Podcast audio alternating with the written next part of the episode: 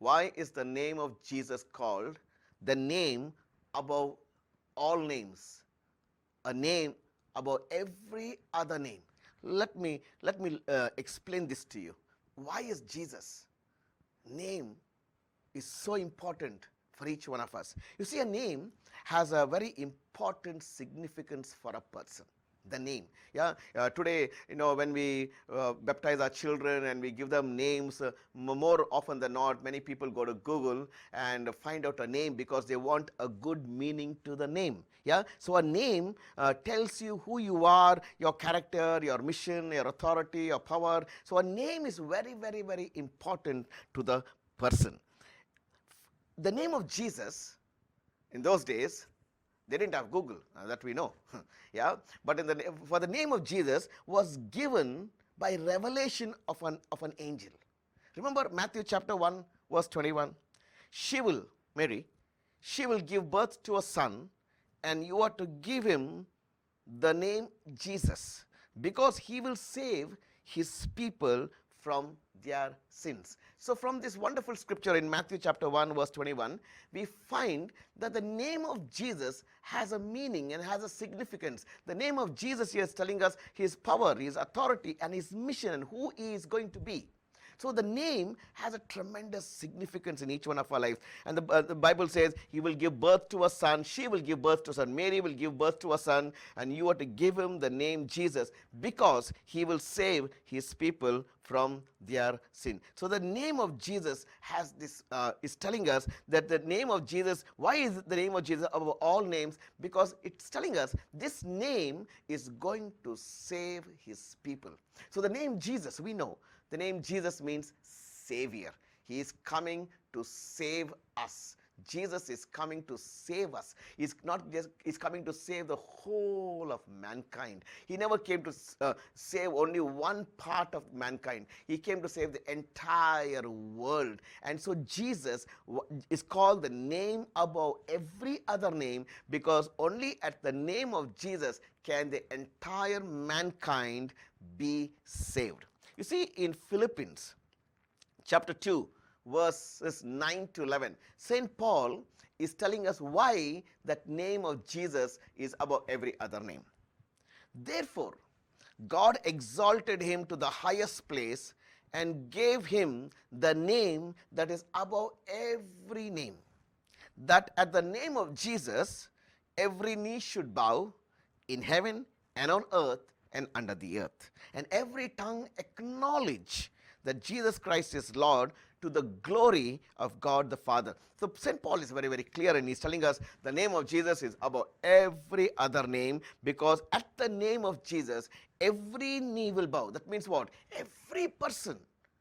in this world will bow at the name of Jesus. And he goes on to say, every tongue will acknowledge that Jesus Christ is Lord to the glory of the Father. That's why this name is above every other name.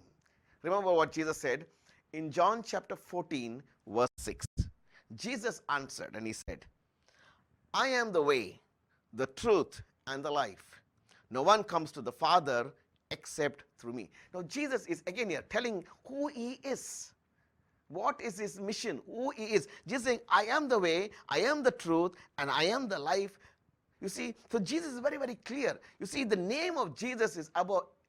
all names because Jesus said, I am the way, I am the path that goes to the Father. I am that way that leads to life. So Jesus is that way. That's why his name is above every other name. In other words, there is no other way. There is only one way. and that is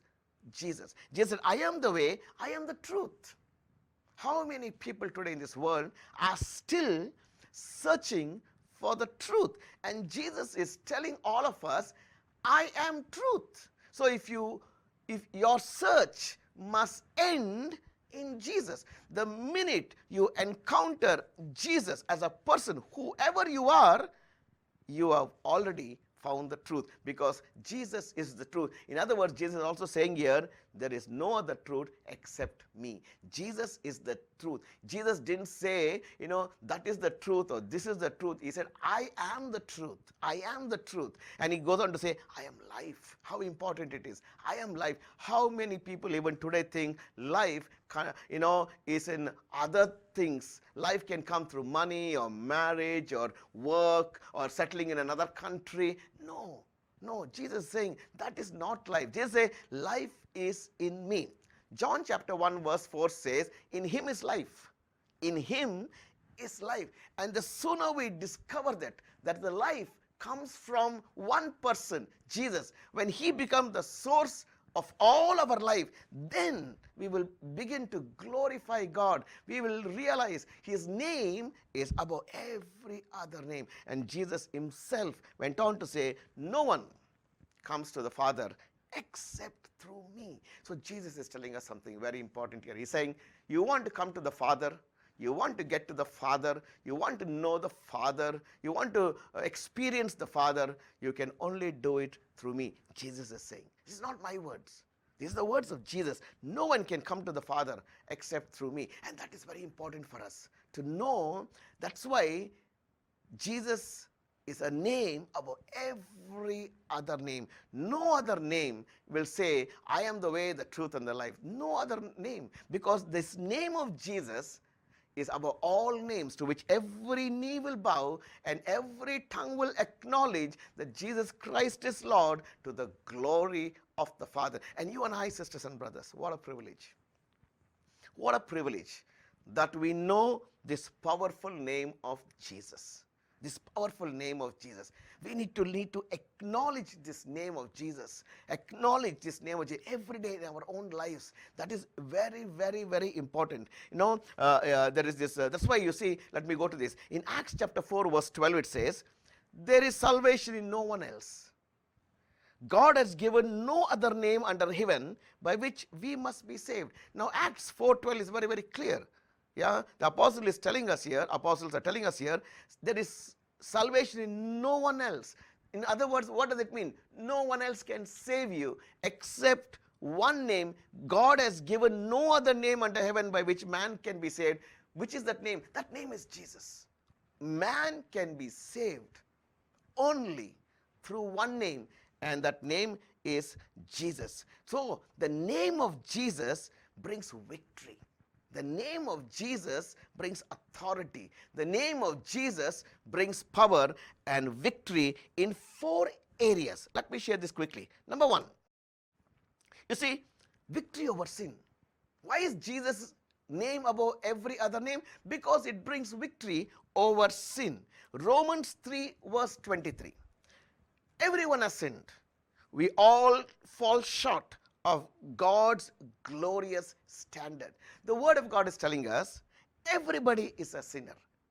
Every single person is a sinner. We have all fallen short of God's glorious standard. God made us in His image and His likeness.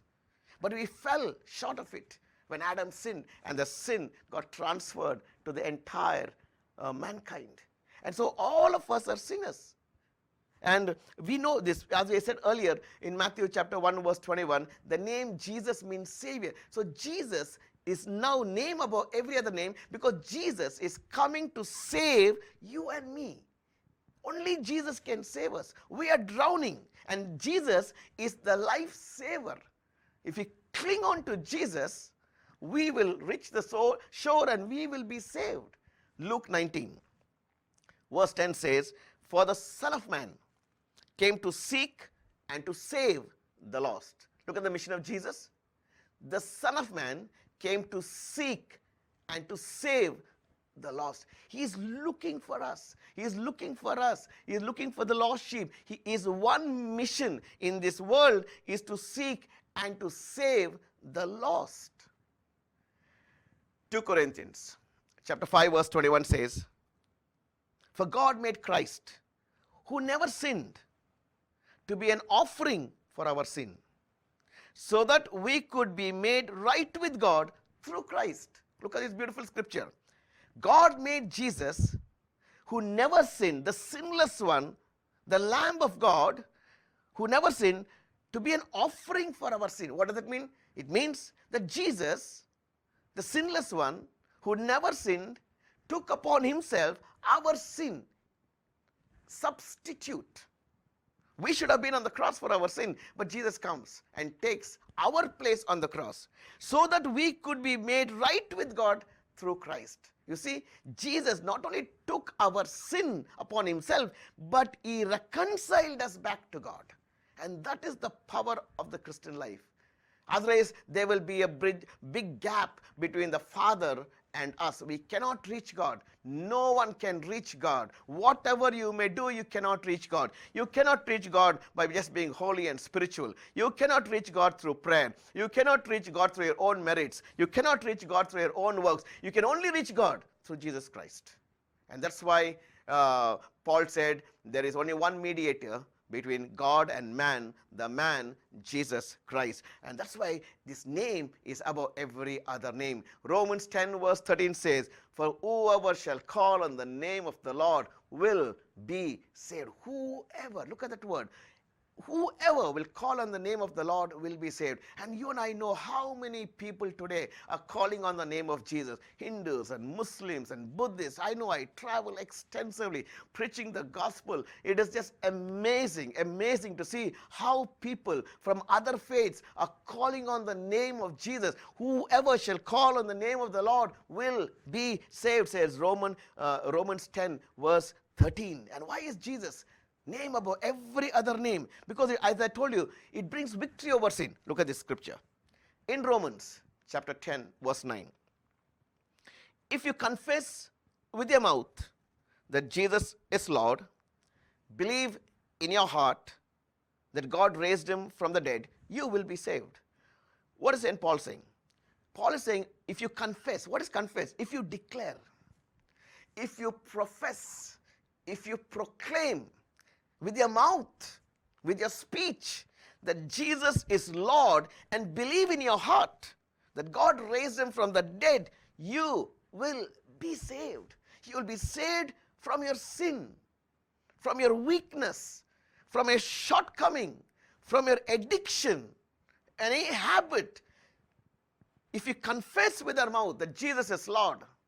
declare with our mouth that Jesus is Lord, believe in our heart God raised him from the dead, the bible is saying you will be saved you will be it is that remedy to sin remedy to ad- addiction is the name of jesus which is above every other name you know recently i was at a retreat at a convention a youth convention and i was preaching to the youth on sin and so after the talk was over a couple of uh, young men came to me and said brother they said uh, how to overcome addiction how to overcome addiction.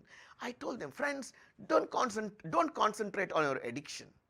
Don't focus on your addiction. The best way to overcome your addiction is to bring Jesus and make Jesus the center of your life. When you make Jesus the center of your life, power comes in. The power of God which can destroy sin, which can destroy addiction, which can destroy habits in our life. point number two why is jesus name above every other name jesus' name is name above every other name because you can find victory over sickness victory over sickness mark chapter 16 verse 18 they will place their hands on the sick and they will get well you see jesus' name is above every other name because the bible says you can place hands on the sick and they will get well. And how will they get well? Verse 17 says, Mark 16, verse 17 says, in my name. So if you pray in the name of Jesus, people will get healed. That's why Jesus' name is above every other name. We cannot pray for people in anyone else's name. Try it out. Nothing is going to happen. You cannot pray in the name of Jimmy or you cannot pray in the name of Susan. Nothing is going to happen. But the minute you pray in the name of Jesus, that person will get completely and totally healed. That is the power of Jesus. That's why Jesus' name is above every other name. Sisters and brothers, I want to encourage you to pray more for people. Because the Bible says, the Word of God says, they will place their hands on the sick and they will get well. I was preaching a retreat, a youth retreat in Mumbai, and uh, I told all the youth here, I told all the youth, there is power in the name of Jesus. You know, try to pray for, for people. If people are sick at home, if, if your colleagues are sick, your students, are, uh, classmates are sick, lay hands upon them. Pray in the name of Jesus. They will get healed. And when, after the retreat was over, this boy went home. His grandmother was not well. she had an infected toe. And he remembered what I said at the retreat lay hands and pray in the name of Jesus, and they will get healed. So this boy laid hands on his grandmother and prayed in the name of Jesus. And the grandmother got instantly healed. That is the power of Jesus. That's why Jesus' name is above every other name every other name uh, you know uh, look at this in acts chapter 3 verse 6 peter said i don't have any silver or gold for you but i'll give you what i have in the name of jesus christ the nazarene get up and walk look at look at this peter told the crippled I have nothing to give you. I have no money. I have no silver. I have no gold. But one thing I have. One thing I have. In the name of Jesus of Nazareth, get up and walk. And that man walked. We know that. He was dancing in the temple courts. How did it happen? In the name of Jesus. There is power. There is healing. There is liberation. There is restoration in the name of Jesus. We must learn to pray more for people. The gift of healing is not the privilege of the few.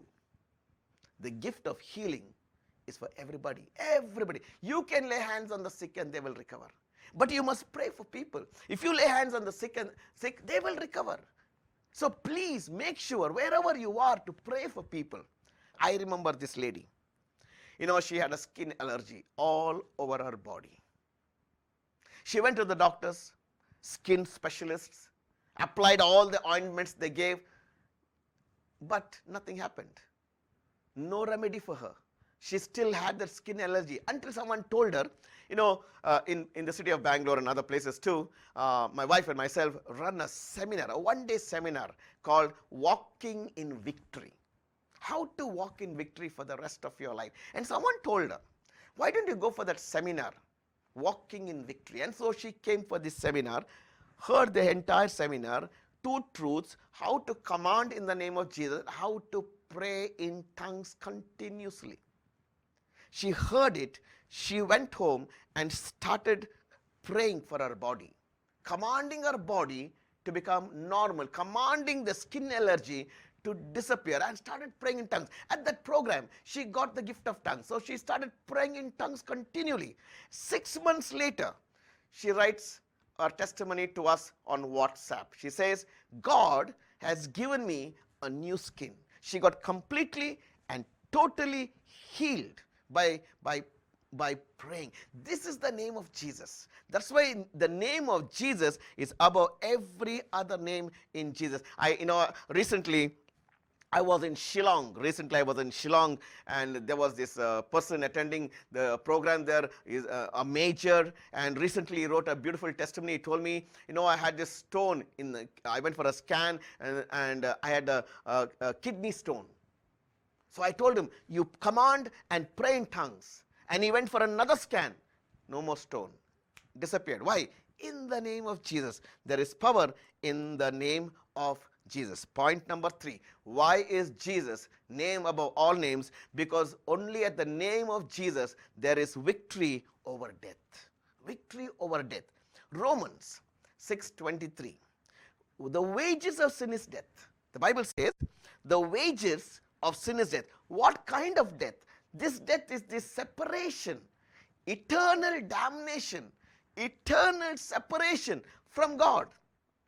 yes there is repentance if the, if if you realize your sin if you repent and come back to god then you will get eternal life but the, if you if you continue to walk in your sin continue to be in sin in the state of sin the bible says the wages of sin is death there's, there's eternal damnation separation from god for eternity who can save us from this spiritual separation jesus whoever shall call on the name of the Lord will be saved, says the word of God. Repentance, coming back to God. If you take the name of Jesus, any sinner, however hardcore sinner he may be, will find eternal life. We know the thief on the cross took the name of Jesus and he got healed. Romans 6:23 says, uh, for the wages of sin is death, but the gift of God is eternal life through Jesus Christ our Lord. You see, the wages of sin is death, who will bring who will remove this separation who will bridge this gap who will take us to the father who will bring eternal life to us jesus christ the free gift of god look at that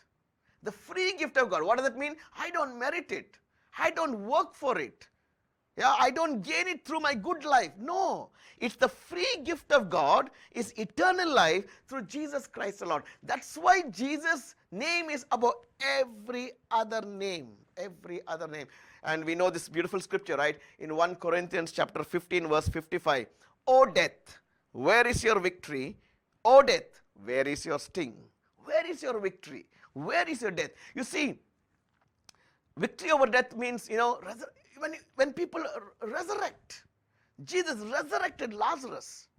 That is victory over death, the defeat of death. You know, uh, not only Lazarus, uh, the other people, right? Uh, Jairus' daughter, yeah there are so many examples where this victory risen from the dead you know jesus brought victory the victory over death oh death where is your sting oh death where is your victory but thank god verse 57 says but thank god he gives us victory over sin and death through our lord jesus christ amen victory over sin and death can only come through the name of Jesus, which is a name above every other name, You and I are very familiar with John 3:16. What does John 3:16 says? For God so loved the world so much that he gave his only Son,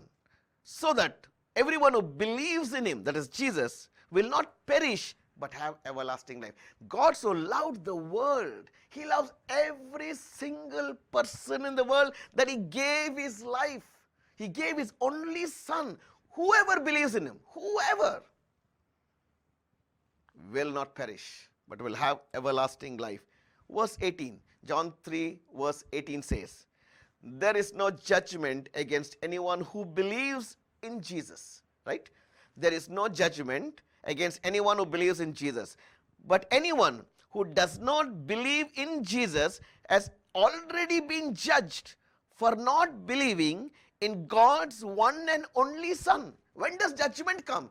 Judgment comes when you don't believe in the name of Jesus. So, the name of Jesus is a name above every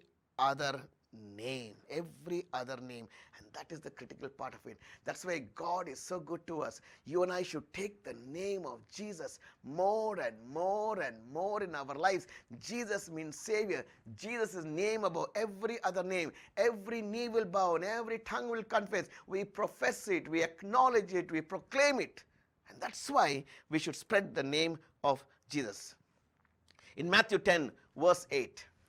here is a command given by jesus he says he was telling the disciples now we are his disciples in uh, matthew 10 verse 8 it says heal the sick raise the dead cleanse those who have leprosy drive out demons freely you have received freely give jesus is giving us a command he is telling you and me heal the sick heal the sick raise the dead cleanse those who have leprosy, drive out demons. You see, God is telling us to do it. We need to obey Him.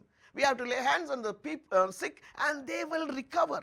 They will recover. Why? Because you and I know the name of Jesus, which is a name above every other name given under heaven. My last point. Why is Jesus name above every other name? Because at the name of Jesus, there is victory over Satan. In 1 John chapter 3, verse 8. but the Son of Man came to destroy the works of the devil. Jesus came to destroy the works of the devil. So Jesus has brought you and me victory over Satan. Amen. Victory over Satan. We are no more under his clutches. We are no more under his clutches. God liberated us, freed us. He has transferred us from the kingdom of darkness and put us into the kingdom of his very own son jesus did it he brought victory over satan all his evil all his ensnaring ways wicked ways he has brought victory over sin sickness and death in our life by destroying satan and that's why jesus said you know remember he told about satan in john 10 verse 10 the thief comes only to steal to kill and to destroy the thief is talking about the devil he's talking about satan he comes to only to steal kill destroy, steal away my happiness, steal my joy, kill my life, and destroy my peace. That's why the more you and I take the name of Jesus, life will flow into our system, life will flow into our body. Jesus is the name above all names. And that's why in John 8, verse 44, Jesus says, Satan is the father of all of lies. Yeah? And so, my dear brothers and sisters, in conclusion, I want to say the name of Jesus is above every other name because it brings us victory in four areas victory over sin, victory over sickness, victory over death, and victory over Satan. so brothers and sisters that's why it's so important for us you know as christians to call upon the name of jesus more and more whoever shall call on the name of the lord will be saved if we confess with our lips jesus is lord believe in our heart god raised him from the dead you Will be saved. There is no other name given under heaven by which man can be saved but the name of Jesus, the name of Jesus. Make sure, brothers and sisters, call on the name of Jesus more and more daily in your life. Call upon him. There is no other name given under heaven by which man can be saved. At this name of Jesus, every knee will bow, every tongue will confess he is Lord, for the glory of the Father. Thank you, Lord. that Jesus is a name above every other name. And what a privilege that we know Jesus. Help us not only to call on the name of Jesus more and more in our lives, but also to give the name of Jesus to others, to make him known, so that others too will call on the name of Jesus and be saved. Lord, thank you that you came to save us.